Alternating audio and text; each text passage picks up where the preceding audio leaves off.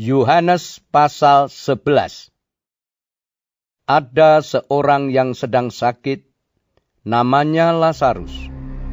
Ia tinggal di Betania, kampung Maria dan adiknya Marta. Maria ialah perempuan yang pernah meminyaki kaki Tuhan dengan minyak mur dan menyekanya dengan rambutnya. Dan Lazarus yang sakit itu adalah saudaranya kedua perempuan itu mengirim kabar kepada Yesus. Tuhan, dia yang engkau kasihi sakit. Ketika Yesus mendengar kabar itu, ia berkata, Penyakit itu tidak akan membawa kematian, tetapi akan menyatakan kemuliaan Allah. Sebab oleh penyakit itu, anak Allah akan dimuliakan. Yesus memang mengasihi Marta dan kakaknya dan Lazarus. Namun setelah didengarnya bahwa Lazarus sakit, ia sengaja tinggal dua hari lagi di tempat di mana ia berada.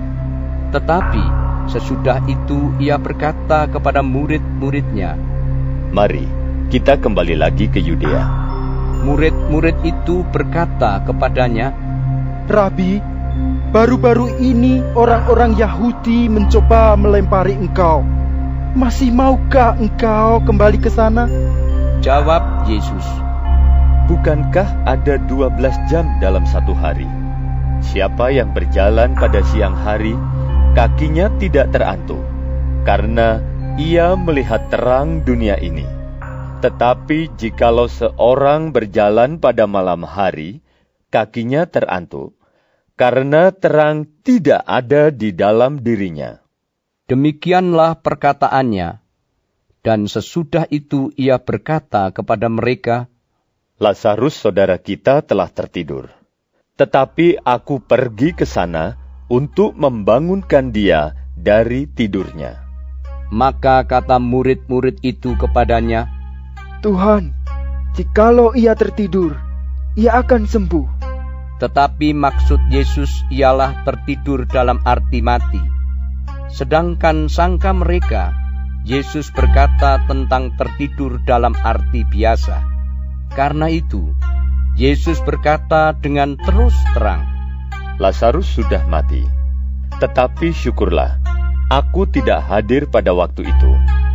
Sebab demikian lebih baik bagimu, supaya kamu dapat belajar percaya Marilah kita pergi sekarang kepadanya. Lalu Thomas, yang disebut Didimus, berkata kepada teman-temannya, yaitu murid-murid yang lain, Marilah kita pergi juga untuk mati bersama-sama dengan dia. Maka ketika Yesus tiba, didapatinya Lazarus telah empat hari berbaring di dalam kubur.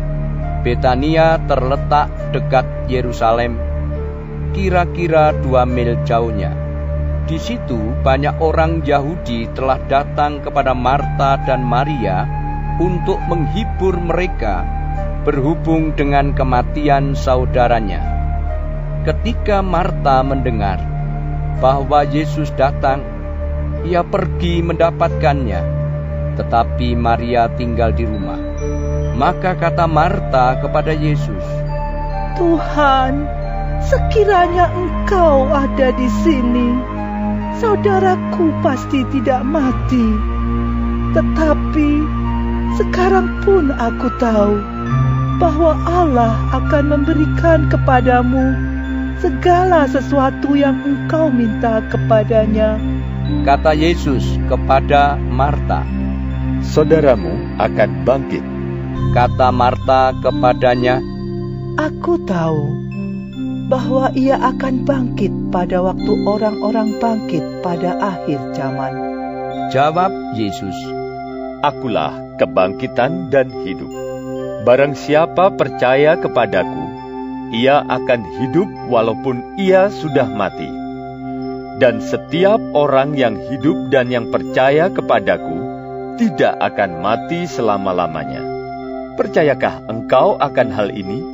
Jawab Marta, Ya Tuhan, aku percaya. bahwa Engkaulah Mesias Anak Allah, Dia yang akan datang ke dalam dunia. Dan sesudah berkata demikian, ia pergi memanggil saudaranya Maria dan berbisik kepadanya. Guru ada di sana, dan ia memanggil engkau. Mendengar itu, Maria segera bangkit, lalu pergi mendapatkan Yesus. Tetapi waktu itu Yesus belum sampai ke dalam kampung itu. Ia masih berada di tempat Marta menjumpai dia. Ketika orang-orang Yahudi yang bersama-sama dengan Maria di rumah itu untuk menghiburnya, melihat bahwa Maria segera bangkit dan pergi keluar, mereka mengikutinya karena mereka menyangka bahwa ia pergi ke kubur untuk meratap di situ. Setibanya Maria di tempat Yesus berada dan melihat dia, tersungkurlah ia di depan kakinya dan berkata kepadanya, Tuhan, sekiranya engkau ada di sini, saudaraku pasti tidak mati. Ketika Yesus melihat Maria menangis, dan juga orang-orang Yahudi yang datang bersama-sama dia, maka maskullah hatinya. Ia sangat terharu dan berkata, Di manakah dia kamu baringkan? Jawab mereka, Tuhan, marilah dan lihatlah. Maka menangislah Yesus. Kata orang-orang Yahudi, Lihatlah betapa kasihnya kepadanya. tetapi beberapa orang di antaranya berkata, Ia yang memelekkan mata orang buta. Tidak sanggupkah ia bertindak sehingga orang ini tidak mati? Maka maskulah pula hati Yesus. Lalu ia pergi ke kubur itu. Kubur itu adalah sebuah gua yang ditutup dengan batu. Kata Yesus, Angkat batu itu. Marta, saudara orang yang meninggal itu berkata kepadanya, Tuhan, ia sudah berbau, sebab sudah empat hari ia mati. Jawab Yesus, Bukankah sudah kukatakan kepadamu, jikalau engkau percaya, engkau akan melihat kemuliaan Allah? maka mereka mengangkat batu itu. Lalu Yesus menengadah ke atas dan berkata, Bapa, aku mengucap syukur kepadamu karena engkau telah mendengarkan aku. Aku tahu bahwa engkau selalu mendengarkan aku. Tetapi, oleh karena orang banyak yang berdiri di sini mengelilingi aku, aku mengatakannya supaya mereka percaya bahwa engkaulah yang telah mengutus aku. Dan sesudah berkata demikian, berserulah ia dengan suara keras. Lazarus, marilah keluar. Orang yang telah mati itu datang keluar. Kaki dan tangannya masih terikat dengan kain kapan, dan mukanya tertutup dengan kain peluh. Kata Yesus kepada mereka, Bukalah kain-kain itu, dan biarkan ia pergi. Banyak di antara orang-orang Yahudi yang datang melawat Maria dan yang menyaksikan sendiri apa yang telah dibuat Yesus. Percaya kepadanya. Tetapi ada yang pergi kepada orang-orang Farisi dan menceritakan kepada mereka apa yang telah dibuat Yesus itu. Lalu imam-imam kepala dan orang-orang Farisi memanggil mahkamah agama untuk berkumpul, dan mereka berkata, Apakah yang harus kita buat? Sebab orang itu membuat banyak mujizat. Apabila kita biarkan dia, maka semua orang akan percaya kepadanya. Dan orang-orang Roma akan datang dan akan merampas tempat suci kita serta bangsa kita. Tetapi seorang di antara mereka, yaitu Kayafas, imam besar pada tahun itu, berkata kepada mereka, Kamu tidak tahu apa-apa, dan kamu tidak insaf bahwa lebih berguna bagimu jika satu orang mati untuk bangsa kita daripada seluruh bangsa kita ini binasa. Hal itu dikatakannya bukan dari dirinya sendiri, tetapi sebagai imam besar pada tahun itu, ia bernubuat bahwa Yesus akan mati untuk bangsa itu, dan bukan untuk bangsa itu saja, tetapi juga untuk mengumpulkan dan mempersatukan anak-anak Allah yang tercerai-berai. Mulai dari hari itu, mereka sepakat untuk membunuh dia. Karena itu, Yesus tidak tampil lagi di muka umum di antara orang-orang Yahudi. Ia berangkat dari situ ke daerah dekat padang gurun, ke sebuah kota yang bernama Efraim, dan di situ ia tinggal bersama-sama murid-muridnya. Pada waktu itu, hari raya Paskah orang Yahudi sudah dekat, dan banyak orang dari negeri itu berangkat ke Yerusalem untuk menyucikan diri sebelum Paskah itu. Mereka mencari Yesus, dan sambil berdiri di dalam bait Allah, mereka berkata seorang kepada yang lain, "Bagaimana pendapatmu? akan datang jugakah ia ke pesta?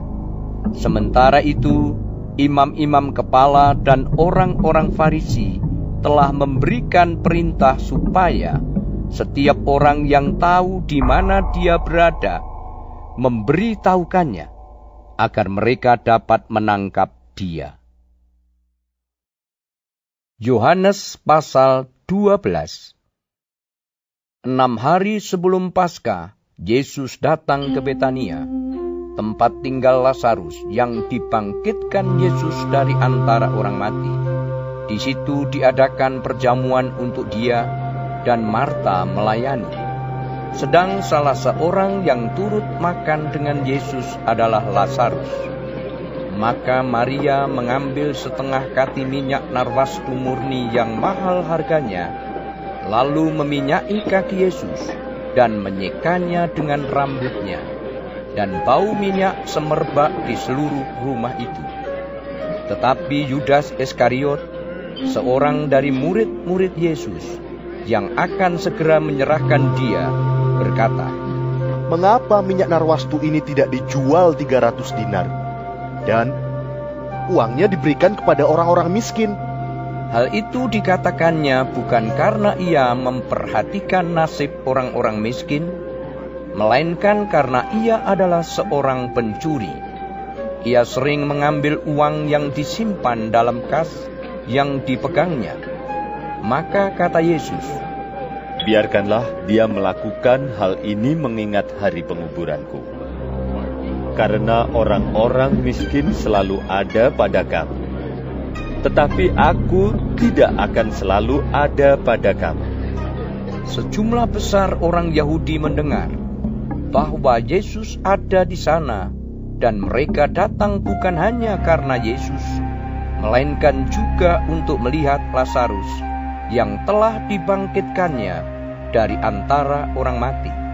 Lalu imam-imam kepala bermupakat untuk membunuh Lazarus juga sebab karena dia, banyak orang Yahudi meninggalkan mereka dan percaya kepada Yesus.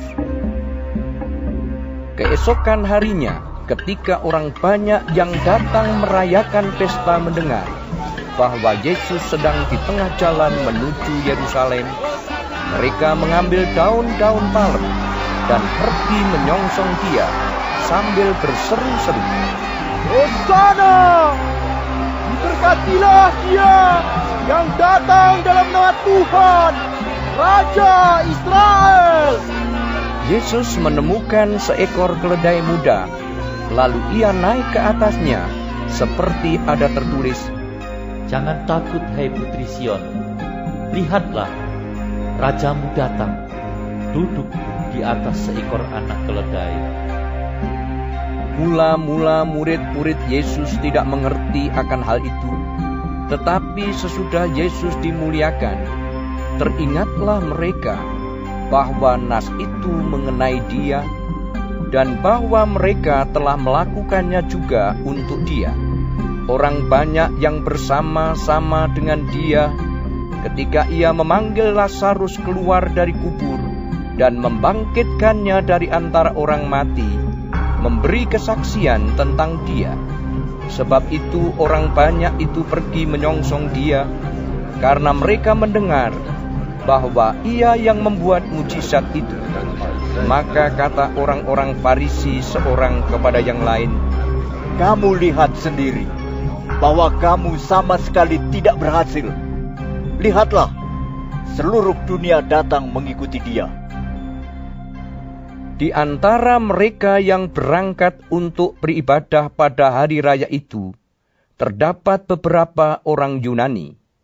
Orang-orang itu pergi kepada Filipus, yang berasal dari Bethsaida di Galilea, lalu berkata kepadanya, Tuan, kami ingin bertemu dengan Yesus. Filipus pergi memberitahukannya kepada Andreas. Andreas dan Filipus menyampaikannya pula kepada Yesus. Tetapi Yesus menjawab mereka, katanya, Telah tiba saatnya anak manusia dimuliakan. Aku berkata kepadamu, sesungguhnya, jikalau biji gandum tidak jatuh ke dalam tanah dan mati, ia tetap satu biji saja. Tetapi jika ia mati, ia akan menghasilkan banyak buah. Barang siapa mencintai nyawanya, ia akan kehilangan nyawanya. Tetapi barang siapa tidak mencintai nyawanya di dunia ini, ia akan memeliharanya untuk hidup yang kekal. Barang siapa melayani aku, ia harus mengikut aku. Dan di mana aku berada, di situ pun pelayanku akan berada. Barang siapa melayani aku, ia akan dihormati Bapa. Sekarang jiwaku terharu, dan apakah yang akan kukatakan? Bapa, selamatkanlah aku dari saat ini? Tidak, sebab untuk itulah aku datang ke dalam saat ini. Bapa, muliakanlah namamu. Maka terdengarlah suara dari surga. Aku telah memuliakannya, dan aku akan memuliakannya lagi. Orang banyak yang berdiri di situ dan mendengarkannya berkata bahwa itu bunyi guntur. Ada pula yang berkata, Seorang malaikat telah berbicara dengan dia. Jawab Yesus, Suara itu telah terdengar bukan oleh karena aku, melainkan oleh karena kamu. Sekarang berlangsung penghakiman atas dunia ini. Sekarang juga penguasa dunia ini akan dilemparkan keluar, dan aku, apabila aku ditinggikan dari bumi, aku akan menarik semua orang datang kepadaku. Ini dikatakannya untuk menyatakan bagaimana caranya ia akan mati. Lalu jawab orang banyak itu, Kami telah mendengar dari hukum Taurat bahwa Mesias tetap hidup selama-lamanya. Bagaimana mungkin engkau mengatakan bahwa anak manusia harus ditinggikan? Siapakah anak manusia itu? Kata Yesus kepada mereka, Hanya sedikit waktu lagi terang ada di antara kamu. Selama terang itu ada padamu, percayalah kepadanya, supaya kegelapan jangan menguasai kamu. Barang siapa berjalan dalam kegelapan, ia tidak tahu ke mana ia pergi. Percayalah kepada terang itu, selama terang itu ada padamu, supaya kamu menjadi anak-anak terang. Sesudah berkata demikian, Yesus pergi bersembunyi dari antara mereka. Dan meskipun Yesus mengadakan begitu banyak mujizat di depan mata mereka, namun mereka tidak percaya kepadanya, supaya genaplah firman yang disampaikan oleh Nabi Yesaya. Tuhan, siapakah yang percaya kepada pemberitaan kami? Dan kepada siapakah tangan kekuasaan Tuhan dinyatakan? Karena itu mereka tidak dapat percaya, sebab Yesaya telah berkata juga, Ia telah membutakan mata dan mendekilkan hati mereka, supaya mereka jangan melihat dengan mata dan menanggap dengan hati, lalu berbalik, sehingga aku menyembuhkan mereka. Hal ini dikatakan oleh Yesaya karena ia telah melihat kemuliaannya dan telah berkata-kata tentang dia. Namun banyak juga di antara pemimpin yang percaya kepadanya, tetapi oleh karena orang-orang Farisi, mereka tidak mengakuinya berterus terang, supaya mereka jangan dikucilkan. Sebab mereka lebih suka akan kehormatan manusia daripada kehormatan Allah. Tetapi Yesus berseru, katanya, Barang siapa percaya kepadaku, ia bukan percaya kepadaku, tetapi kepada Dia yang telah mengutus aku. Dan barang siapa melihat aku, ia melihat Dia yang telah mengutus aku. Aku telah datang ke dalam dunia sebagai terang, supaya setiap orang yang percaya kepadaku jangan tinggal di dalam kegelapan. Dan jikalau seorang mendengar perkataanku, tetapi tidak melakukannya, aku tidak menjadi hakimnya. Sebab aku datang bukan untuk menghakimi dunia, melainkan untuk menyelamatkannya. Barang siapa menolak aku dan tidak menerima perkataanku, ia sudah ada hakimnya, yaitu firman yang telah kukatakan, itulah yang akan menjadi hakimnya pada akhir zaman. Sebab aku berkata-kata bukan dari diriku sendiri, tetapi Bapa yang mengutus aku, dialah yang memerintahkan aku untuk mengatakan apa yang harus aku katakan dan aku sampaikan. Dan aku tahu bahwa perintahnya itu adalah hidup yang kekal. Jadi, apa yang aku katakan, aku menyampaikannya sebagaimana yang difirmankan oleh Bapa kepadaku. Yohanes pasal 13 Sementara itu sebelum hari raya Paskah mulai, Yesus telah tahu bahwa saatnya sudah tiba untuk beralih dari dunia ini kepada Bapa. Sama seperti ia senantiasa mengasihi murid-muridnya, demikianlah sekarang ia mengasihi mereka sampai kepada kesudahannya mereka sedang makan bersama, dan iblis telah membisikkan rencana dalam hati Yudas Iskariot, anak Simon, untuk mengkhianati dia. Yesus tahu bahwa Bapaknya telah menyerahkan segala sesuatu kepadanya, dan bahwa ia datang dari Allah dan kembali kepada Allah. Lalu bangunlah Yesus dan menanggalkan jubahnya ia mengambil sehelai kain lenan dan mengikatkannya pada pinggangnya. Kemudian ia menuangkan air ke dalam sebuah basi dan mulai membasuh kaki murid-muridnya, lalu menyekanya dengan kain yang terikat pada pinggangnya itu. Maka sampailah ia kepada Simon Petrus. Kata Petrus kepadanya, Tuhan, engkau hendak membasuh kakiku? Jawab Yesus kepadanya, Apa yang kuperbuat, engkau tidak tahu sekarang, tetapi engkau akan mengertinya kelak. Kata Petrus kepadanya, Engkau tidak akan membasuh kakiku sampai selama-lamanya. Jawab Yesus, Jikalau aku tidak membasuh engkau, engkau tidak mendapat bagian dalam aku. Kata Simon Petrus kepadanya, Tuhan, jangan hanya kakiku saja, tetapi juga tangan dan kepalaku. Kata Yesus kepadanya, Barang siapa telah mandi, ia tidak usah membasuh diri lagi selain membasuh kakinya, karena ia sudah bersih seluruhnya. Juga kamu sudah bersih, hanya tidak semua sebab ia tahu siapa yang akan menyerahkan dia. Karena itu ia berkata, tidak semua kamu bersih. Sesudah ia membasuh kaki mereka, ia mengenakan pakaiannya dan kembali ke tempatnya. Lalu ia berkata kepada mereka, Mengertikah kamu apa yang telah kuperbuat kepadamu? Kamu menyebut aku guru dan Tuhan, dan katamu itu tepat. Sebab memang akulah guru dan Tuhan.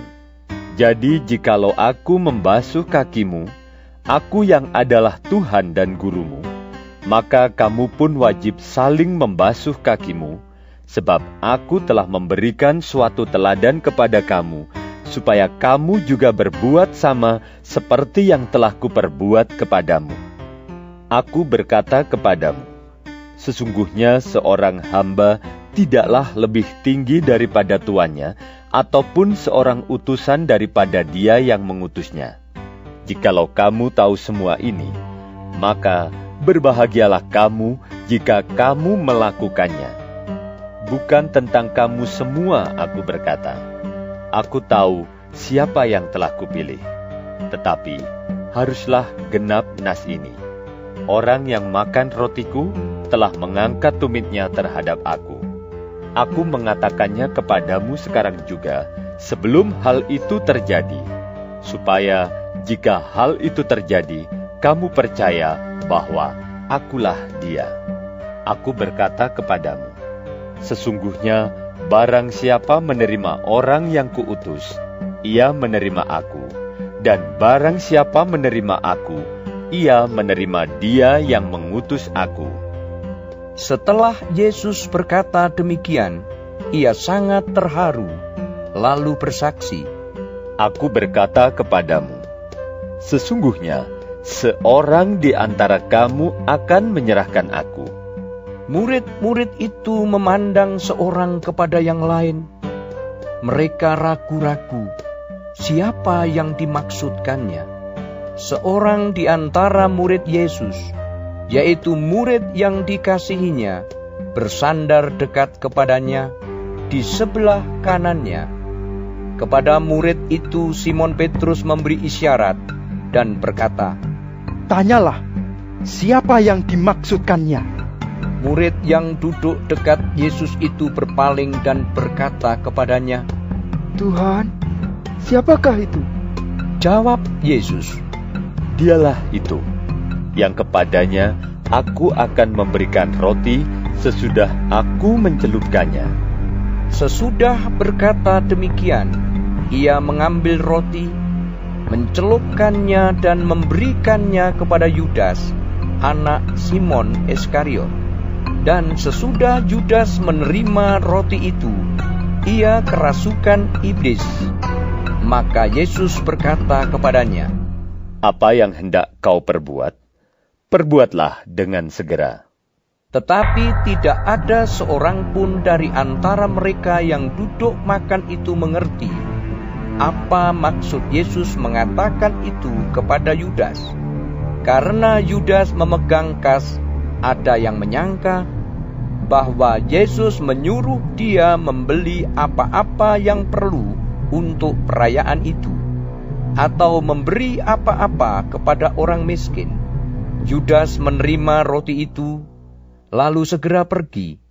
Pada waktu itu hari sudah malam. Sesudah Yudas pergi, berkatalah Yesus, Sekarang anak manusia dipermuliakan dan Allah dipermuliakan di dalam dia. Jikalau Allah dipermuliakan di dalam dia, Allah akan mempermuliakan dia juga di dalam dirinya, dan akan mempermuliakan dia dengan segera. Hai anak-anakku, hanya seketika saja lagi aku ada bersama kamu. Kamu akan mencari aku, dan seperti yang telah kukatakan kepada orang-orang Yahudi, ke tempat aku pergi tidak mungkin kamu datang. Demikian pula Aku mengatakannya sekarang juga kepada kamu. Aku memberikan perintah baru kepada kamu, yaitu supaya kamu saling mengasihi. Sama seperti aku telah mengasihi kamu, demikian pula kamu harus saling mengasihi. Dengan demikian, semua orang akan tahu bahwa kamu adalah murid-muridku, yaitu jikalau kamu saling mengasihi. Simon Petrus berkata kepada Yesus, Tuhan, ke manakah engkau pergi? Jawab Yesus, Ke tempat aku pergi, engkau tidak dapat mengikuti aku sekarang. Tetapi kelak, engkau akan mengikuti aku. Kata Petrus kepadanya, Tuhan, mengapa aku tidak dapat mengikuti engkau sekarang? Aku akan memberikan nyawaku bagimu. Jawab Yesus, Nyawamu akan kau berikan bagiku? Sesungguhnya, aku berkata kepadamu, sebelum ayam berkokok, engkau telah menyangkal aku tiga kali. Yohanes pasal 14 Janganlah gelisah hatimu. Percayalah kepada Allah, percayalah juga kepadaku. Di rumah Bapakku banyak tempat tinggal. Jika tidak demikian, tentu aku mengatakannya kepadamu. Sebab aku pergi ke situ untuk menyediakan tempat bagimu. Dan apabila aku telah pergi ke situ dan telah menyediakan tempat bagimu, aku akan datang kembali dan membawa kamu ke tempatku, supaya di tempat di mana aku berada, kamu pun berada. Dan ke mana aku pergi, kamu tahu jalan ke situ. Kata Thomas kepadanya, Tuhan, kami tidak tahu ke mana engkau pergi. Jadi bagaimana kami tahu jalan ke situ? Kata Yesus kepadanya, Akulah jalan dan kebenaran dan hidup. Tidak ada seorang pun yang datang kepada Bapa kalau tidak melalui aku. Sekiranya kamu mengenal aku, pasti kamu juga mengenal Bapakku. Sekarang ini kamu mengenal dia dan kamu telah melihat dia. Kata Filipus kepadanya, Tuhan, tunjukkanlah Bapa itu kepada kami. Itu sudah cukup bagi kami. Kata Yesus kepadanya, Telah sekian lama aku bersama-sama kamu, Filipus. Namun engkau tidak mengenal aku. Barang siapa telah melihat aku, ia telah melihat Bapa. Bagaimana engkau berkata, Tunjukkanlah Bapa itu kepada kami. Tidak percayakah engkau bahwa aku di dalam Bapa dan Bapa di dalam aku? Apa yang aku katakan kepadamu, tidak aku katakan dari diriku sendiri, tetapi Bapa yang diam di dalam aku, dialah yang melakukan pekerjaannya. Percayalah kepadaku bahwa aku di dalam Bapa dan Bapa di dalam aku, atau setidak-tidaknya percayalah karena pekerjaan-pekerjaan itu sendiri. Aku berkata kepadamu, sesungguhnya barang siapa percaya kepadaku, ia akan melakukan juga pekerjaan-pekerjaan yang aku lakukan, bahkan pekerjaan-pekerjaan yang lebih besar daripada itu. Sebab aku pergi kepada Bapa, dan apa juga yang kamu minta dalam namaku, aku akan melakukannya, supaya Bapa dipermuliakan di dalam anak. Jika kamu meminta sesuatu kepadaku dalam namaku, aku akan melakukannya. Jikalau kamu mengasihi aku, kamu akan menuruti segala perintahku. Aku akan minta kepada Bapa, dan ia akan memberikan kepadamu seorang penolong yang lain, supaya ia menyertai kamu selama-lamanya, yaitu roh kebenaran. Dunia tidak dapat menerima dia, sebab dunia tidak melihat dia dan tidak mengenal dia. Tetapi kamu mengenal dia, sebab ia menyertai kamu dan akan diam di dalam kamu. Aku tidak akan meninggalkan kamu sebagai yatim piatu. Aku datang kembali kepadamu. Tinggal sesaat lagi, dan dunia tidak akan melihat aku lagi. Tetapi kamu melihat aku, sebab aku hidup dan kamu pun akan hidup. Pada waktu itulah kamu akan tahu bahwa aku di dalam Bapakku, dan kamu di dalam aku, dan aku di dalam kamu. Barang siapa memegang perintahku dan melakukannya, dialah yang mengasihi aku. Dan barang siapa mengasihi aku, ia akan dikasihi oleh Bapakku, dan aku pun akan mengasihi dia dan akan menyatakan diriku kepadanya. Yudas yang bukan Iskariot berkata kepadanya, Tuhan, apakah sebabnya maka engkau hendak menyatakan dirimu kepada kami, dan bukan kepada dunia?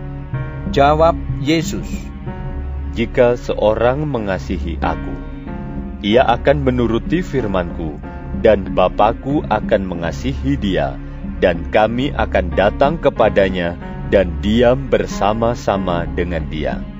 Barang siapa tidak mengasihi aku, ia tidak menuruti firmanku. Dan firman yang kamu dengar itu bukanlah daripadaku, melainkan dari Bapa yang mengutus aku. Semuanya itu kukatakan kepadamu, selagi aku berada bersama-sama dengan kamu. Tetapi penghibur, yaitu roh kudus, yang akan diutus oleh Bapa dalam namaku, dialah yang akan mengajarkan segala sesuatu kepadamu dan akan mengingatkan kamu akan semua yang telah kukatakan kepadamu. Damai sejahtera kutinggalkan bagimu. Damai sejahteraku kuberikan kepadamu, dan apa yang kuberikan tidak seperti yang diberikan oleh dunia kepadamu. Janganlah gelisah dan gentar hatimu. Kamu telah mendengar bahwa aku telah berkata kepadamu, Aku pergi, tetapi aku datang kembali kepadamu. Sekiranya kamu mengasihi aku, kamu tentu akan bersuka cita karena aku pergi kepada Bapakku, sebab Bapa lebih besar daripada aku. Dan sekarang juga aku mengatakannya kepadamu sebelum hal itu terjadi, supaya kamu percaya apabila hal itu terjadi. Tidak banyak lagi aku berkata-kata dengan kamu, sebab penguasa dunia ini datang, dan ia tidak berkuasa sedikit pun atas diriku. Tetapi supaya dunia tahu bahwa aku mengasihi Bapa dan bahwa aku melakukan segala sesuatu seperti yang diperintahkan Bapa kepadaku. Bangunlah, marilah kita pergi dari sini. Yohanes pasal 15 Akulah pokok anggur yang benar, dan Bapakulah pengusahanya. Setiap ranting padaku yang tidak berbuah, dipotongnya, dan setiap ranting yang berbuah, dibersihkannya, supaya ia lebih banyak berbuah. Kamu memang sudah bersih karena firman yang telah kukatakan kepadamu. Tinggallah di dalam aku, dan aku di dalam kamu.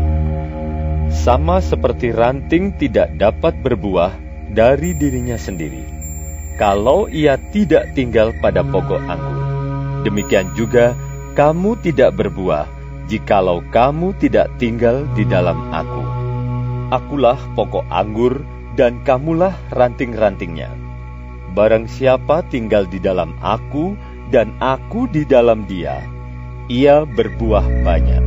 Sebab di luar aku kamu tidak dapat berbuat apa-apa. Barang siapa tidak tinggal di dalam aku, ia dibuang keluar seperti ranting dan menjadi kering, kemudian dikumpulkan orang dan dicampakkan ke dalam api, lalu dibakar. Jikalau kamu tinggal di dalam aku, dan firmanku tinggal di dalam kamu, mintalah apa saja yang kamu kehendaki, dan kamu akan menerimanya. Dalam hal inilah Bapakku dipermuliakan, yaitu jika kamu berbuah banyak, dan dengan demikian kamu adalah murid-muridku. Seperti Bapa telah mengasihi aku, demikianlah juga aku telah mengasihi kamu. Tinggallah di dalam kasihku itu. Jikalau kamu menuruti perintahku, kamu akan tinggal di dalam kasihku, seperti aku menuruti perintah Bapakku dan tinggal di dalam kasihnya. Semuanya itu kukatakan kepadamu, supaya sukacitaku ada di dalam kamu, dan sukacitamu menjadi penuh. Inilah perintahku, yaitu supaya kamu saling mengasihi, seperti aku telah mengasihi kamu. Tidak ada kasih yang lebih besar daripada kasih seorang yang memberikan nyawanya untuk sahabat-sahabatnya. Kamu adalah sahabatku, jikalau kamu berbuat apa yang kuperintahkan kepadamu. Aku tidak menyebut kamu lagi hamba, sebab hamba tidak tahu apa yang diperbuat oleh tuannya. Tetapi aku menyebut kamu sahabat, karena aku telah memberitahukan kepada kamu segala sesuatu yang telah kudengar dari Bapakku. Bukan kamu yang memilih aku, tetapi akulah yang memilih kamu. Dan aku telah menetapkan kamu, supaya kamu pergi dan menghasilkan buah, dan buahmu itu tetap. Supaya apa yang kamu minta kepada Bapa dalam namaku, diberikannya kepadamu. Inilah perintahku kepadamu. Kasihilah seorang akan yang lain. Jikalau dunia membenci kamu, ingatlah bahwa ia telah lebih dahulu membenci aku daripada kamu. Sekiranya kamu dari dunia, tentulah dunia mengasihi kamu sebagai miliknya. Tetapi karena kamu bukan dari dunia, melainkan aku telah memilih kamu dari dunia, sebab itulah dunia membenci kamu. Ingatlah apa yang telah kukatakan kepadamu. Seorang hamba tidaklah lebih tinggi daripada tuannya. Jikalau mereka telah menganiaya aku, mereka juga akan menganiaya kamu. Jikalau mereka telah menuruti firmanku, mereka juga akan menuruti perkataanmu. Tetapi semuanya itu akan mereka lakukan terhadap kamu karena namaku, sebab mereka tidak mengenal Dia yang telah mengutus aku. Sekiranya aku tidak datang dan tidak berkata-kata kepada mereka, mereka tentu tidak berdosa. Tetapi sekarang mereka tidak mempunyai dalih bagi dosa mereka. Barang siapa membenci aku, ia membenci juga Bapakku. Sekiranya aku tidak melakukan pekerjaan di tengah-tengah mereka seperti yang tidak pernah dilakukan orang lain, mereka tentu tidak berdosa. Tetapi sekarang, walaupun mereka telah melihat semuanya itu, namun mereka membenci baik aku maupun Bapakku. Tetapi, firman yang ada tertulis dalam kitab Taurat mereka harus digenapi. Mereka membenci aku tanpa alasan. Jikalau penghibur yang akan kuutus dari Bapa datang, yaitu roh kebenaran yang keluar dari Bapa, ia akan bersaksi tentang aku. Tetapi kamu juga harus bersaksi, karena kamu dari semula bersama-sama dengan aku. Yohanes pasal 16 Semuanya ini kukatakan kepadamu, supaya kamu jangan kecewa dan menolak aku. Kamu akan dikucilkan, bahkan akan datang saatnya bahwa setiap orang yang membunuh kamu akan menyangka bahwa ia berbuat bakti bagi Allah. Mereka akan berbuat demikian karena mereka tidak mengenal baik Bapa maupun aku. Tetapi semuanya ini kukatakan kepadamu, supaya apabila datang saatnya, kamu ingat bahwa aku telah mengatakannya kepadamu. Hal ini tidak kukatakan kepadamu dari semula, karena selama ini aku masih bersama-sama dengan kamu. Tetapi sekarang aku pergi kepada Dia yang telah mengutus aku, dan tiada seorang pun di antara kamu yang bertanya kepadaku, "Ke mana engkau pergi?" Tetapi karena aku mengatakan hal itu kepadamu, sebab itu hatimu berduka cita. Namun benar yang kukatakan ini kepadamu adalah lebih berguna bagi kamu jika aku pergi. Sebab, jikalau aku tidak pergi, penghibur itu tidak akan datang kepadamu. Tetapi jikalau aku pergi, aku akan mengutus dia kepadamu. Dan kalau ia datang, ia akan menginsafkan dunia akan dosa, kebenaran, dan penghakiman. Akan dosa, karena mereka tetap tidak percaya kepadaku. Akan kebenaran, karena aku pergi kepada Bapa dan kamu tidak melihat aku lagi. Akan penghakiman, karena penguasa dunia ini telah dihukum masih banyak hal yang harus kukatakan kepadamu, tetapi sekarang kamu belum dapat menanggungnya. Tetapi apabila ia datang, yaitu roh kebenaran, ia akan memimpin kamu ke dalam seluruh kebenaran. Sebab ia tidak akan berkata-kata dari dirinya sendiri, tetapi segala sesuatu yang didengarnya itulah yang akan dikatakannya, dan ia akan memberitakan kepadamu hal-hal yang akan datang. Ia akan memuliakan aku, sebab ia akan memberitakan kepadamu apa yang diterimanya daripadaku. Segala sesuatu yang Bapa punya adalah aku punya. Sebab itu, aku berkata, ia akan memberitakan kepadamu apa yang diterimanya daripadaku. Tinggal sesaat saja, dan kamu tidak melihat aku lagi, dan tinggal sesaat saja pula, dan kamu akan melihat aku.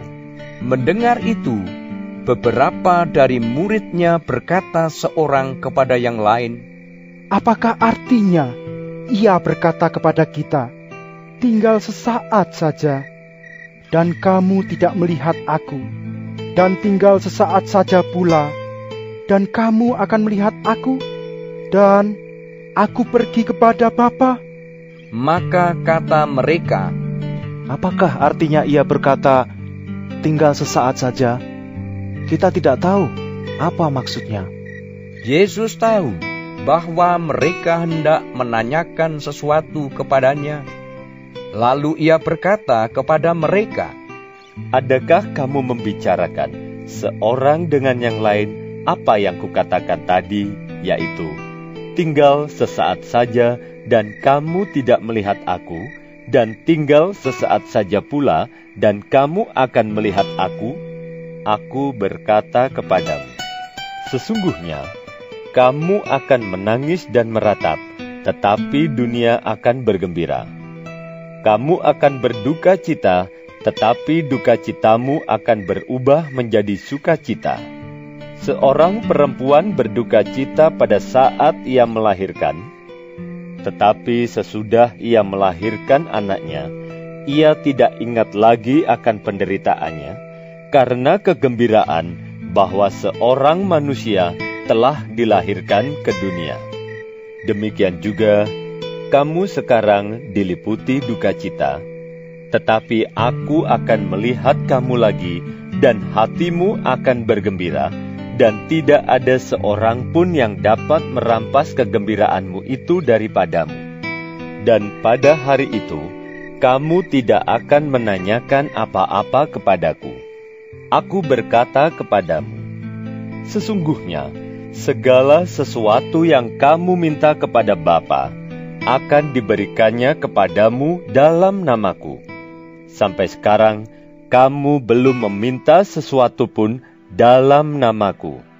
Mintalah, maka kamu akan menerima, supaya penuhlah sukacitamu.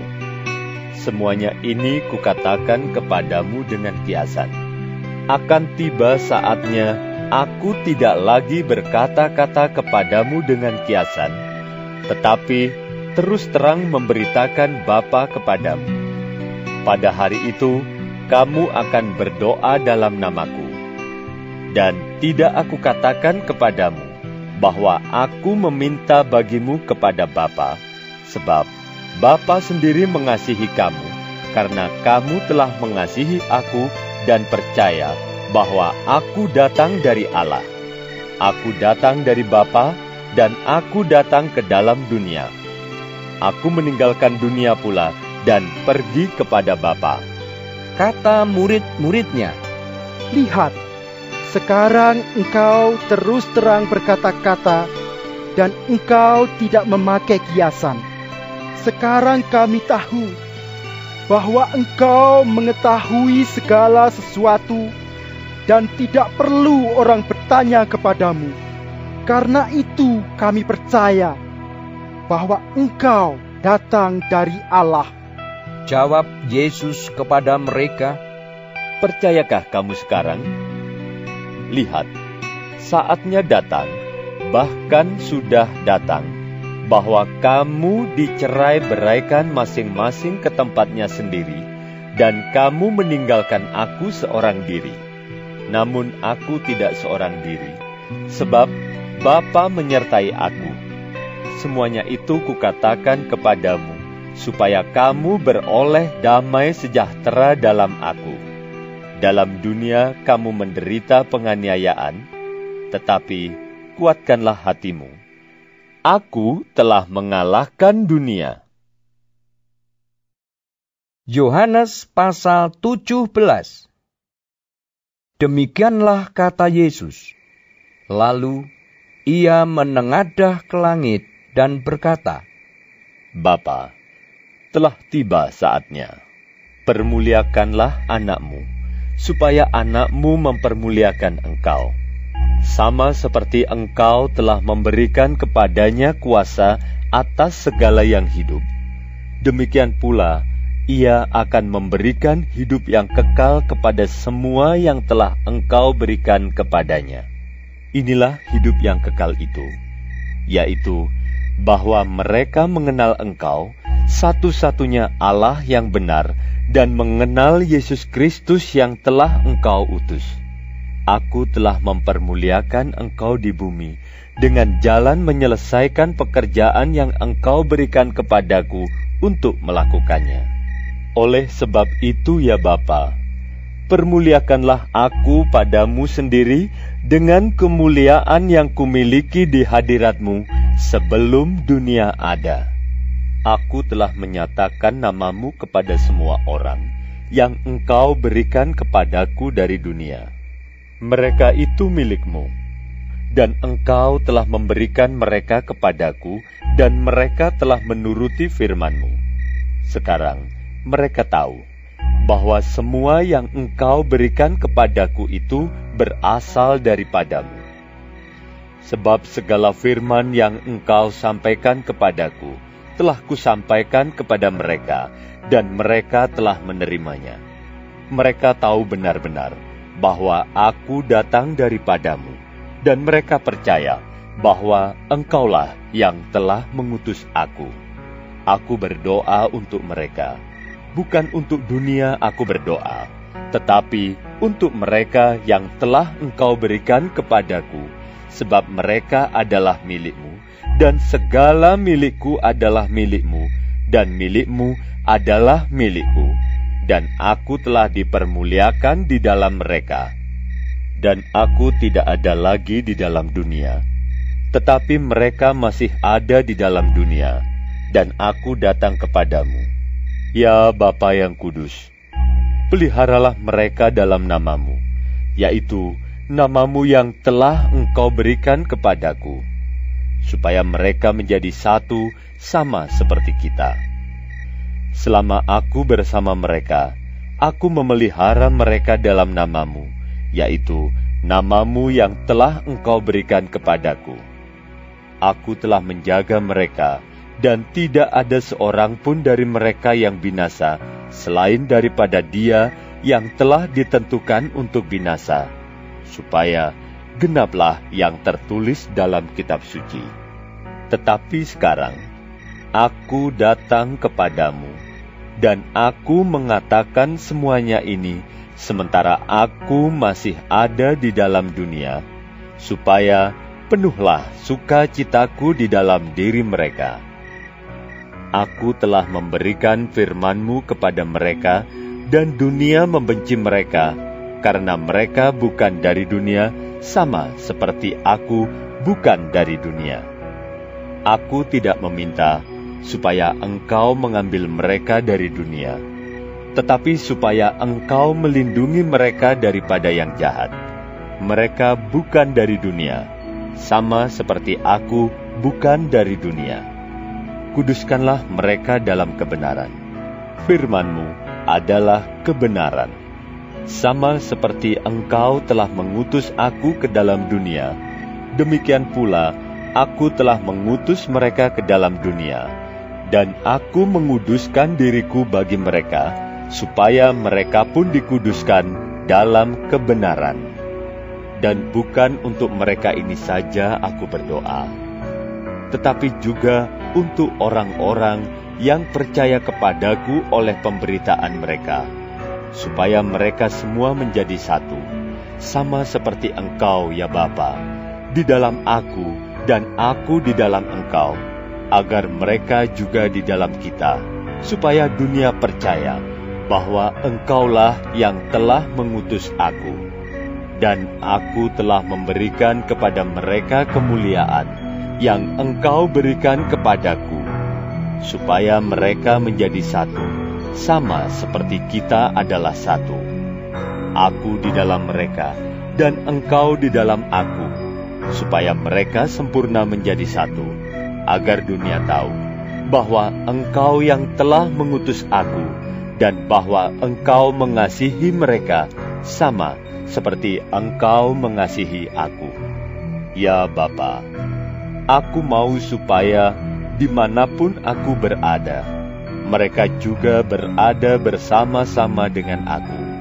Mereka yang telah Engkau berikan kepadaku, agar mereka memandang kemuliaanku yang telah Engkau berikan kepadaku, sebab Engkau telah mengasihi aku sebelum dunia dijadikan. Ya Bapa yang adil, Memang dunia tidak mengenal engkau, tetapi aku mengenal engkau, dan mereka ini tahu bahwa engkaulah yang telah mengutus aku, dan aku telah memberitahukan namamu kepada mereka, dan aku akan memberitahukannya, supaya kasih yang engkau berikan kepadaku ada di dalam mereka, dan aku di dalam mereka. Yohanes pasal 18 Setelah Yesus mengatakan semuanya itu, keluarlah ia dari situ bersama-sama dengan murid-muridnya, dan mereka pergi ke seberang sungai Kidron. Di situ ada suatu taman, dan ia masuk ke taman itu bersama-sama dengan murid-muridnya. Yudas yang mengkhianati Yesus tahu juga tempat itu, karena Yesus sering berkumpul di situ dengan murid-muridnya. Maka datanglah Yudas juga ke situ dengan sepasukan prajurit dan penjaga-penjaga bait Allah yang disuruh oleh imam-imam kepala dan orang-orang Farisi lengkap dengan lentera, suluh, dan senjata. Maka Yesus yang tahu semua yang akan menimpa dirinya, maju ke depan dan berkata kepada mereka, Siapakah yang kamu cari? Jawab mereka, Yesus dari Nazaret. Katanya kepada mereka, Akulah dia. Yudas yang mengkhianati dia berdiri juga di situ bersama-sama mereka. Ketika ia berkata kepada mereka, akulah dia. Mundurlah mereka dan jatuh ke tanah. Maka ia bertanya pula, Siapakah yang kamu cari? Kata mereka, Yesus dari Nazaret. Jawab Yesus, Telah kukatakan kepadamu, akulah dia. Jika aku yang kamu cari, biarkanlah mereka ini pergi.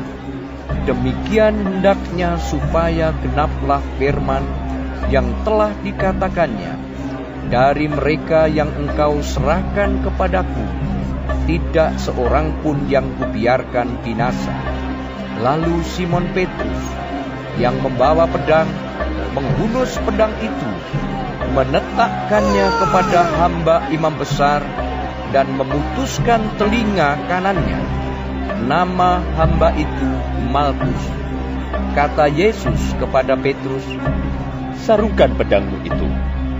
Bukankah aku harus minum cawan yang diberikan Bapa kepadaku? Maka pasukan prajurit serta perwiranya dan penjaga-penjaga yang disuruh orang Yahudi itu menangkap Yesus dan membelenggu dia. Lalu mereka membawanya mula-mula kepada Hanas, karena Hanas adalah mertua Kayafas, yang pada tahun itu menjadi imam besar. Dan Kayafaslah yang telah menasihatkan orang-orang Yahudi. Adalah lebih berguna jika satu orang mati untuk seluruh bangsa. Simon Petrus dan seorang murid lain mengikuti Yesus. Murid itu mengenal imam besar, dan ia masuk bersama-sama dengan Yesus ke halaman istana imam besar. Tetapi Petrus tinggal di luar dekat pintu.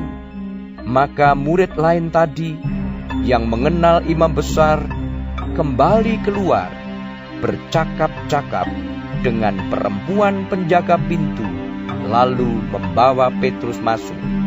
Maka kata hamba perempuan penjaga pintu kepada Petrus, Bukankah engkau juga murid orang itu? Jawab Petrus, Bukan? Sementara itu, hamba-hamba dan penjaga-penjaga bait Allah telah memasang api arang, sebab hawa dingin waktu itu. Dan mereka berdiri berdiam di situ. Juga Petrus berdiri berdiam bersama-sama dengan mereka. Maka mulailah imam besar menanyai Yesus tentang murid-muridnya dan tentang ajarannya. Jawab Yesus kepadanya, Aku berbicara terus terang kepada dunia. Aku selalu mengajar di rumah-rumah ibadat dan di bait Allah, tempat semua orang Yahudi berkumpul. Aku tidak pernah berbicara sembunyi-sembunyi. Mengapakah engkau menanyai aku? Tanyailah mereka yang telah mendengar apa yang kukatakan kepada mereka. Sungguh, mereka tahu apa yang telah kukatakan. Ketika ia mengatakan hal itu, seorang penjaga yang berdiri di situ menampar mukanya sambil berkata, Begitukah jawabmu kepada imam besar? Jawab Yesus kepadanya, Jikalau kataku itu salah, tunjukkanlah salahnya. Tetapi jikalau kataku itu benar, mengapakah engkau menampar aku? Maka Hanas mengirim dia terbelenggu kepada Kayafas, imam besar itu. Simon Petrus masih berdiri berdiam. Kata orang-orang di situ kepadanya, Bukankah engkau juga seorang muridnya? Ia menyangkalnya, katanya.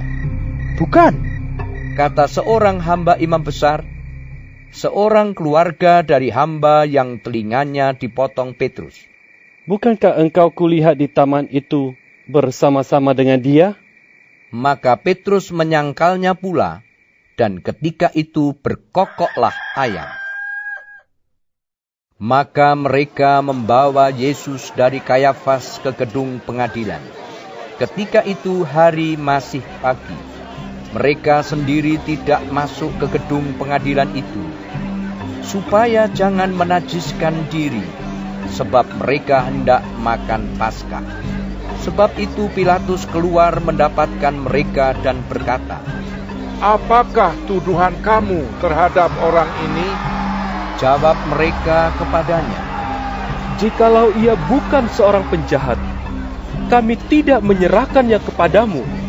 Kata Pilatus kepada mereka, Ambillah dia dan hakimilah dia menurut hukum Tauratmu.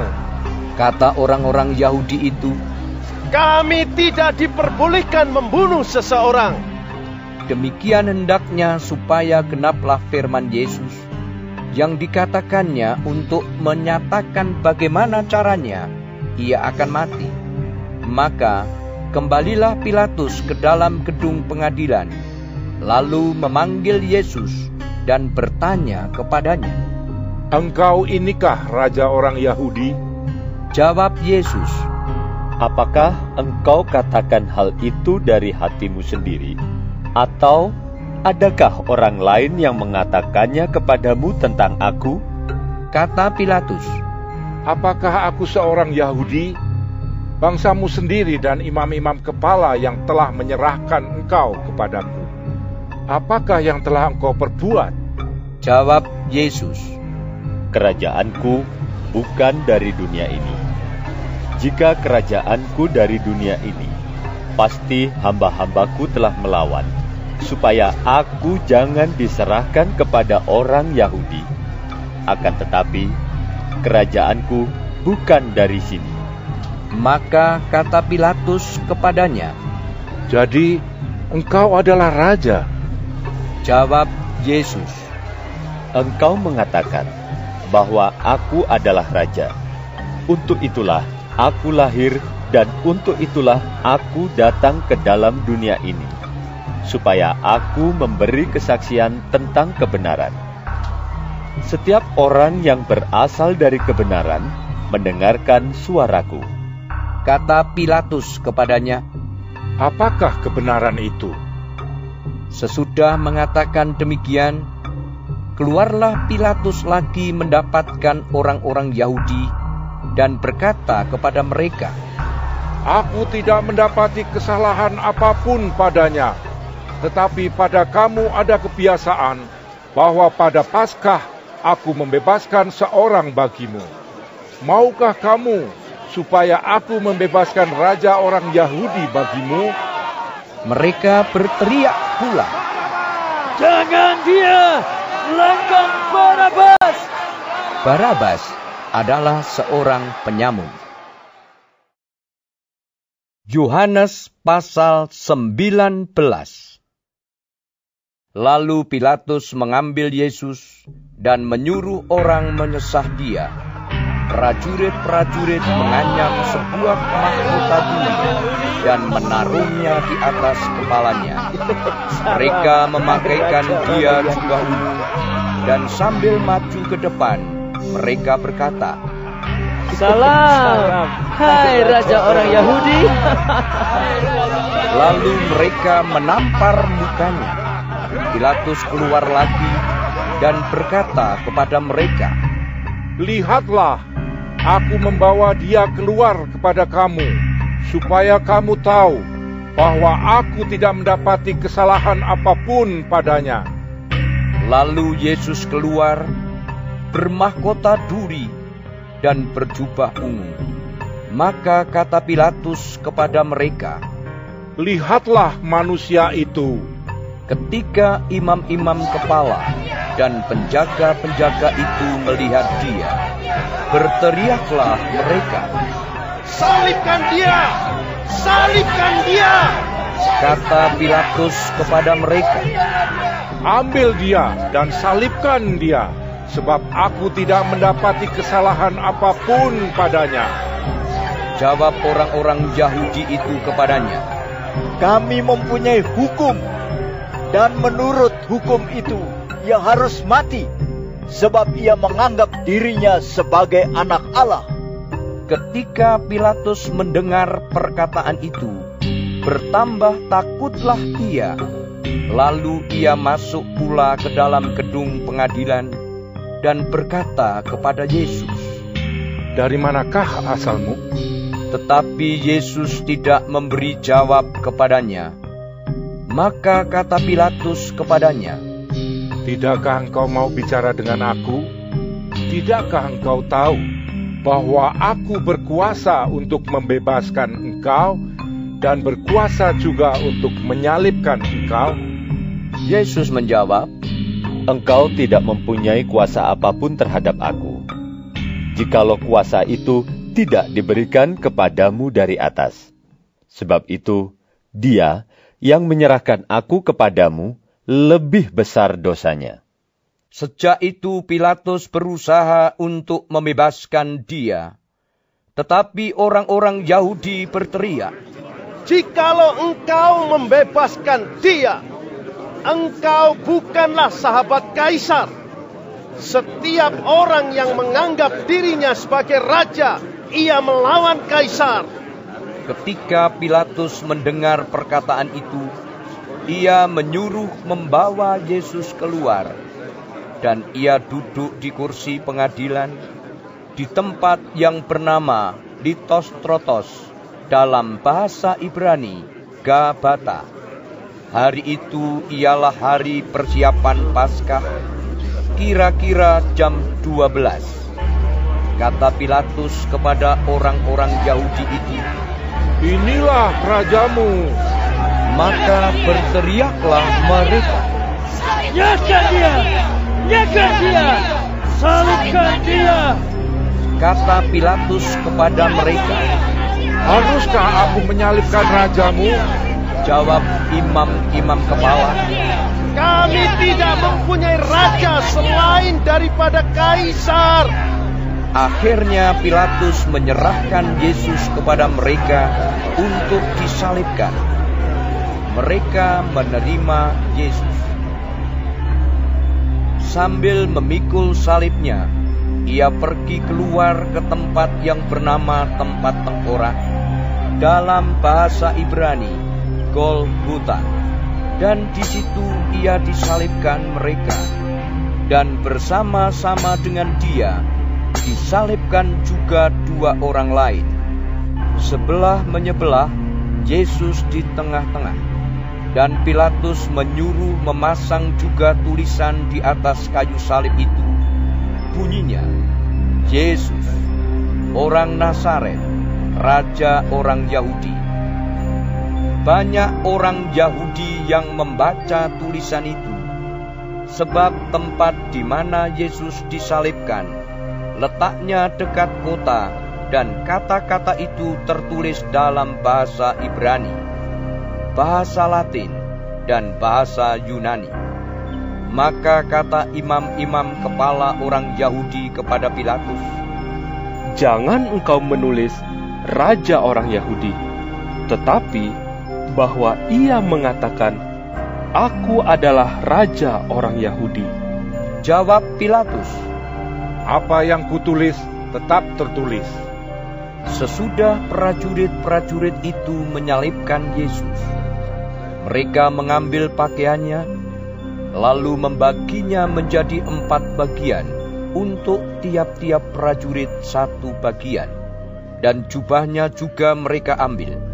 Jubah itu tidak berjahit, dari atas ke bawah, hanya satu tenunan saja. Karena itu, mereka berkata seorang kepada yang lain, Janganlah kita membaginya menjadi beberapa potong, tetapi baiklah kita membuang undi untuk menentukan siapa yang mendapatnya. Demikianlah hendaknya supaya genaplah yang ada tertulis dalam kitab suci. Mereka membagi-bagi pakaianku di antara mereka, dan mereka membuang undi atas jubahku. Hal itu telah dilakukan prajurit-prajurit itu. Dan dekat salib Yesus berdiri ibunya dan saudara ibunya, Maria, istri Klopas, dan Maria Magdalena.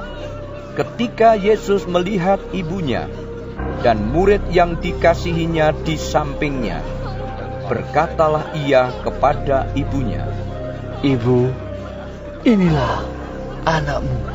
Kemudian katanya kepada murid-muridnya, Inilah ibumu. Dan sejak saat itu, murid itu menerima dia di dalam rumahnya. Sesudah itu, karena Yesus tahu bahwa segala sesuatu telah selesai, berkatalah ia, supaya genaplah yang ada tertulis dalam kitab suci. Aku haus. Di situ ada suatu bekas penuh anggur asam. Maka mereka mencucukkan bunga karang yang telah dicelupkan dalam anggur asam pada sebatang hisop, lalu mengunjukkannya ke mulut Yesus. Sesudah Yesus meminum anggur asam itu, berkatalah ia, Sudah selesai. Lalu ia menundukkan kepalanya dan menyerahkan nyawanya. Karena hari itu hari persiapan, dan supaya pada hari Sabat mayat-mayat itu tidak tinggal tergantung pada kayu salib, sebab Sabat itu adalah hari yang besar, maka datanglah orang-orang Yahudi kepada Pilatus dan meminta kepadanya supaya kaki orang-orang itu dipatahkan dan mayat-mayatnya diturunkan. Maka datanglah prajurit-prajurit, lalu mematahkan kaki orang yang pertama dan kaki orang yang lain yang disalibkan bersama-sama dengan Yesus. Tetapi ketika mereka sampai kepada Yesus, dan melihat bahwa ia telah mati, mereka tidak mematahkan kakinya, tetapi seorang dari antara prajurit itu menikam lambungnya dengan tombak, dan segera mengalir keluar darah dan air. Dan orang yang melihat hal itu sendiri, yang memberikan kesaksian ini, dan kesaksiannya benar, dan ia tahu bahwa ia mengatakan kebenaran, supaya kamu juga percaya. Sebab hal itu terjadi, supaya genaplah yang tertulis dalam kitab suci. Tidak ada tulangnya yang akan dipatahkan. Dan ada pula nas yang mengatakan, mereka akan memandang kepada dia yang telah mereka tikam. Sesudah itu Yusuf dari Arimatea, ia murid Yesus, tetapi sembunyi-sembunyi karena takut kepada orang-orang Yahudi. Meminta kepada Pilatus supaya ia diperbolehkan menurunkan mayat Yesus. Dan Pilatus meluluskan permintaannya itu. Lalu datanglah ia dan menurunkan mayat itu. Juga Nikodemus datang ke situ. Dialah yang mula-mula datang waktu malam kepada Yesus. Ia membawa campuran minyak mur dengan minyak gaharu, kira-kira lima puluh kati beratnya.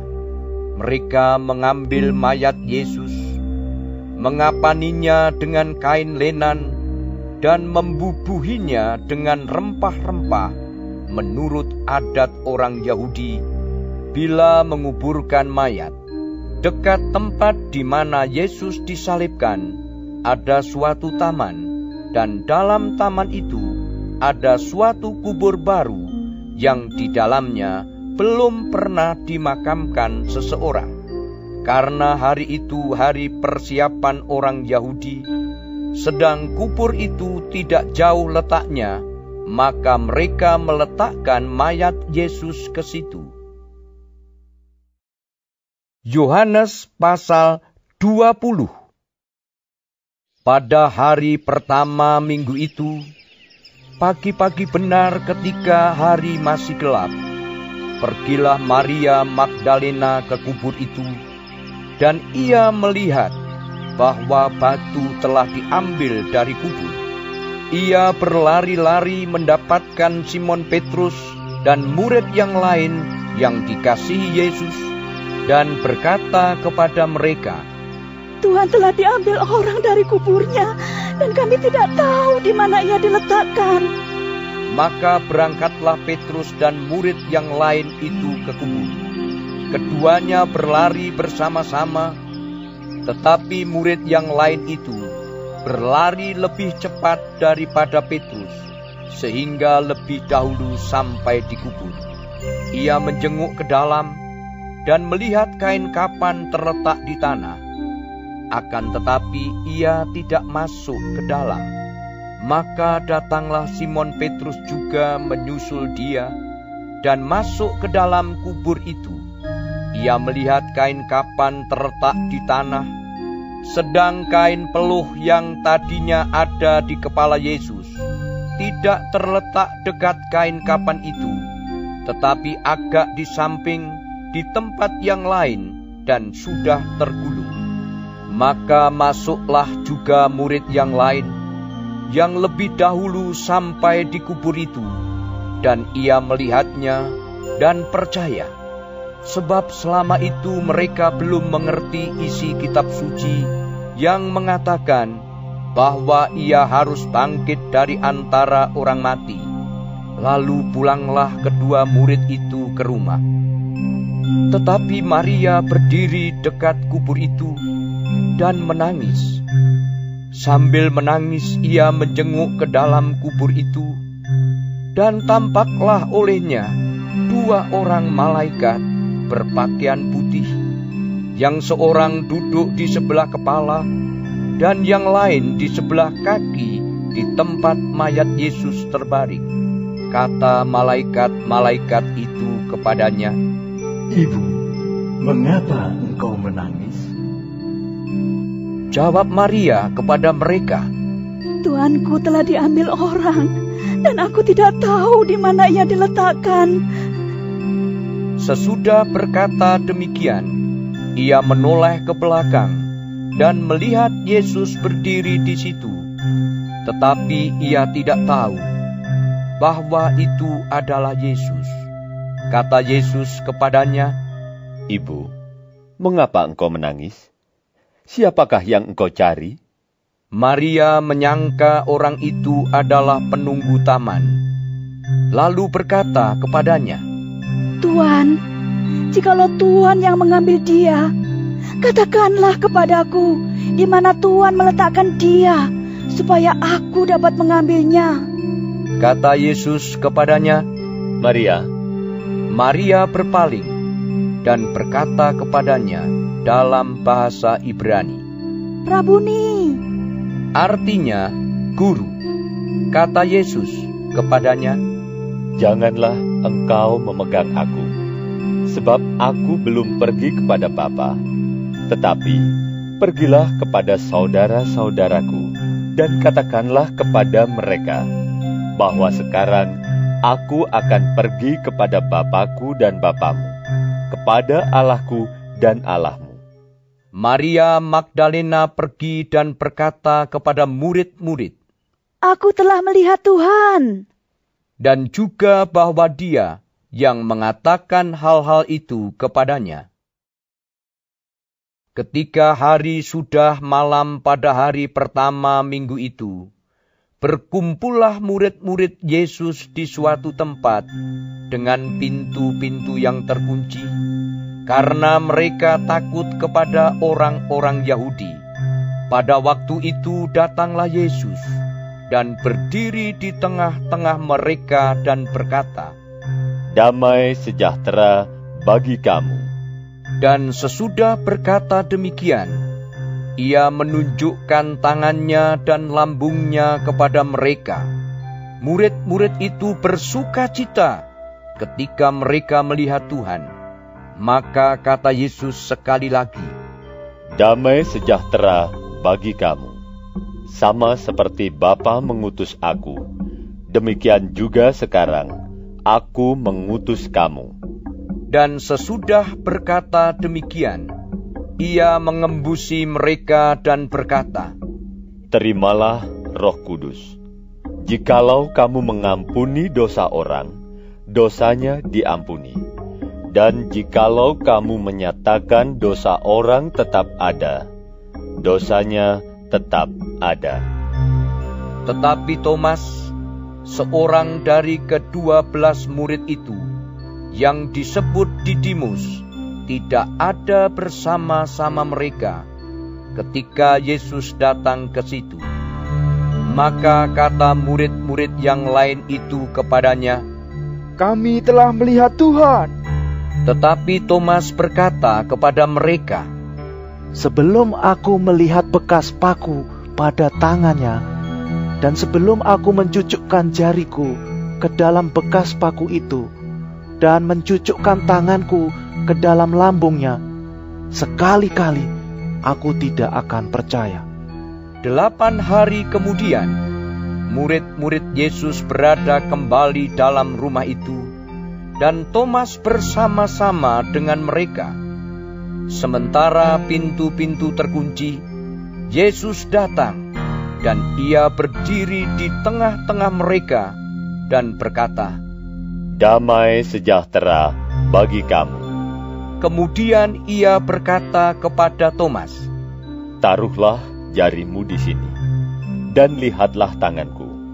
Ulurkanlah tanganmu dan cucukkan ke dalam lambungku, dan jangan engkau tidak percaya lagi, melainkan percayalah. Thomas menjawab dia, Ya Tuhanku dan Allahku. Kata Yesus kepadanya, Karena engkau telah melihat aku, maka engkau percaya. Berbahagialah mereka yang tidak melihat, namun percaya. Memang masih banyak tanda lain yang dibuat Yesus di depan mata murid-muridnya, yang tidak tercatat dalam kitab ini, tetapi semua yang tercantum di sini telah dicatat, supaya kamu percaya bahwa Yesuslah Mesias, Anak Allah, dan supaya kamu oleh imanmu memperoleh hidup dalam namanya. Yohanes pasal 21 Kemudian Yesus menampakkan diri lagi kepada murid-muridnya di pantai Danau Tiberias, dan ia menampakkan diri sebagai berikut. Di pantai itu berkumpul Simon Petrus, Thomas yang disebut Didimus, Nathanael dari Kana yang di Galilea, anak-anak Zebedeus, dan dua orang muridnya yang lain. Kata Simon Petrus kepada mereka, Aku pergi menangkap ikan. Kata mereka kepadanya, Kami pergi juga dengan engkau. Mereka berangkat lalu naik ke perahu, tetapi malam itu mereka tidak menangkap apa-apa. Ketika hari mulai siang, Yesus berdiri di pantai. Akan tetapi murid-murid itu tidak tahu bahwa itu adalah Yesus. Kata Yesus kepada mereka, Hai anak-anak, adakah kamu mempunyai lauk pauk? Jawab mereka, Tidak ada. Maka kata Yesus kepada mereka, Tebarkanlah jalamu di sebelah kanan perahu, maka akan kamu peroleh. Lalu mereka menebarkannya, dan mereka tidak dapat menariknya lagi karena banyaknya ikan. Maka murid yang dikasihi Yesus itu berkata kepada Petrus, Itu Tuhan.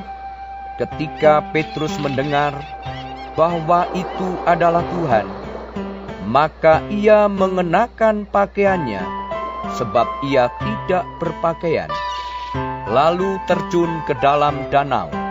Murid-murid yang lain datang dengan perahu karena mereka tidak jauh dari darat. Hanya kira-kira 200 hasta saja dan mereka menghela jala yang penuh ikan itu.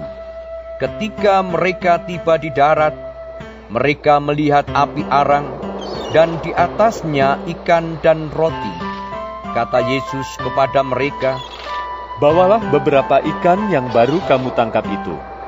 Simon Petrus naik ke perahu lalu menghela jala itu ke darat. Penuh ikan-ikan besar. 153 ekor banyaknya. Dan sungguh pun sebanyak itu. Jala itu tidak koyak. Kata Yesus kepada mereka, Marilah dan sarapanlah. Tidak ada di antara murid-murid itu yang berani bertanya kepadanya, "Siapakah engkau?" Sebab mereka tahu bahwa Ia adalah Tuhan. Yesus maju ke depan, mengambil roti dan memberikannya kepada mereka. Demikian juga ikan itu. Itulah ketiga kalinya Yesus menampakkan diri kepada murid-muridnya sesudah ia bangkit dari antara orang mati. Sesudah sarapan, Yesus berkata kepada Simon Petrus, Simon, anak Yohanes, apakah engkau mengasihi aku lebih daripada mereka ini? Jawab Petrus kepadanya, Benar Tuhan, Engkau tahu bahwa aku mengasihi Engkau. Kata Yesus kepadanya, Gembalakanlah domba-dombaku. Kata Yesus pula kepadanya untuk kedua kalinya, Simon, anak Yohanes, apakah engkau mengasihi aku? Jawab Petrus kepadanya, Benar Tuhan, Engkau tahu bahwa aku mengasihi engkau. Kata Yesus kepadanya, Gembalakanlah domba-dombaku. Kata Yesus kepadanya untuk ketiga kalinya, Simon, anak Yohanes, apakah engkau mengasihi aku? Maka sedih hati Petrus, karena Yesus berkata untuk ketiga kalinya, Apakah engkau mengasihi aku? Dan ia berkata kepadanya, Tuhan, Engkau tahu segala sesuatu. Engkau tahu bahwa aku mengasihi Engkau. Kata Yesus kepadanya, Gembalakanlah domba-dombaku. Aku berkata kepadamu, sesungguhnya ketika engkau masih muda, engkau mengikat pinggangmu sendiri dan engkau berjalan ke mana saja kau kehendaki. Tetapi, jika engkau sudah menjadi tua, engkau akan mengulurkan tanganmu dan orang lain akan mengikat engkau dan membawa engkau ke tempat yang tidak kau kehendaki. Dan hal ini dikatakannya untuk menyatakan bagaimana Petrus akan mati dan memuliakan Allah. Sesudah mengatakan demikian, ia berkata kepada Petrus, "Ikutlah aku." Ketika Petrus berpaling, ia melihat bahwa murid yang dikasihi Yesus sedang mengikuti mereka, yaitu murid yang pada waktu mereka sedang makan bersama, duduk dekat Yesus dan yang berkata, "Tuhan, siapakah dia yang akan menyerahkan engkau? Ketika Petrus melihat murid itu, ia berkata kepada Yesus, Tuhan, apakah yang akan terjadi dengan dia ini? Jawab Yesus, Jikalau aku menghendaki supaya ia tinggal hidup sampai aku datang, itu bukan urusanmu. Tetapi engkau, ikutlah aku. Maka tersebarlah kabar di antara saudara-saudara itu bahwa murid itu tidak akan mati. Tetapi Yesus tidak mengatakan kepada Petrus bahwa murid itu tidak akan mati, melainkan jikalau aku menghendaki supaya ia tinggal hidup sampai aku datang, itu bukan urusanmu. Dialah murid yang memberi kesaksian tentang semuanya ini dan yang telah menuliskannya dan kita tahu bahwa kesaksiannya itu benar. Masih banyak hal-hal lain lagi yang diperbuat oleh Yesus. Tetapi jikalau semuanya itu harus dituliskan satu persatu, maka agaknya dunia ini tidak dapat memuat semua kitab yang harus ditulis itu.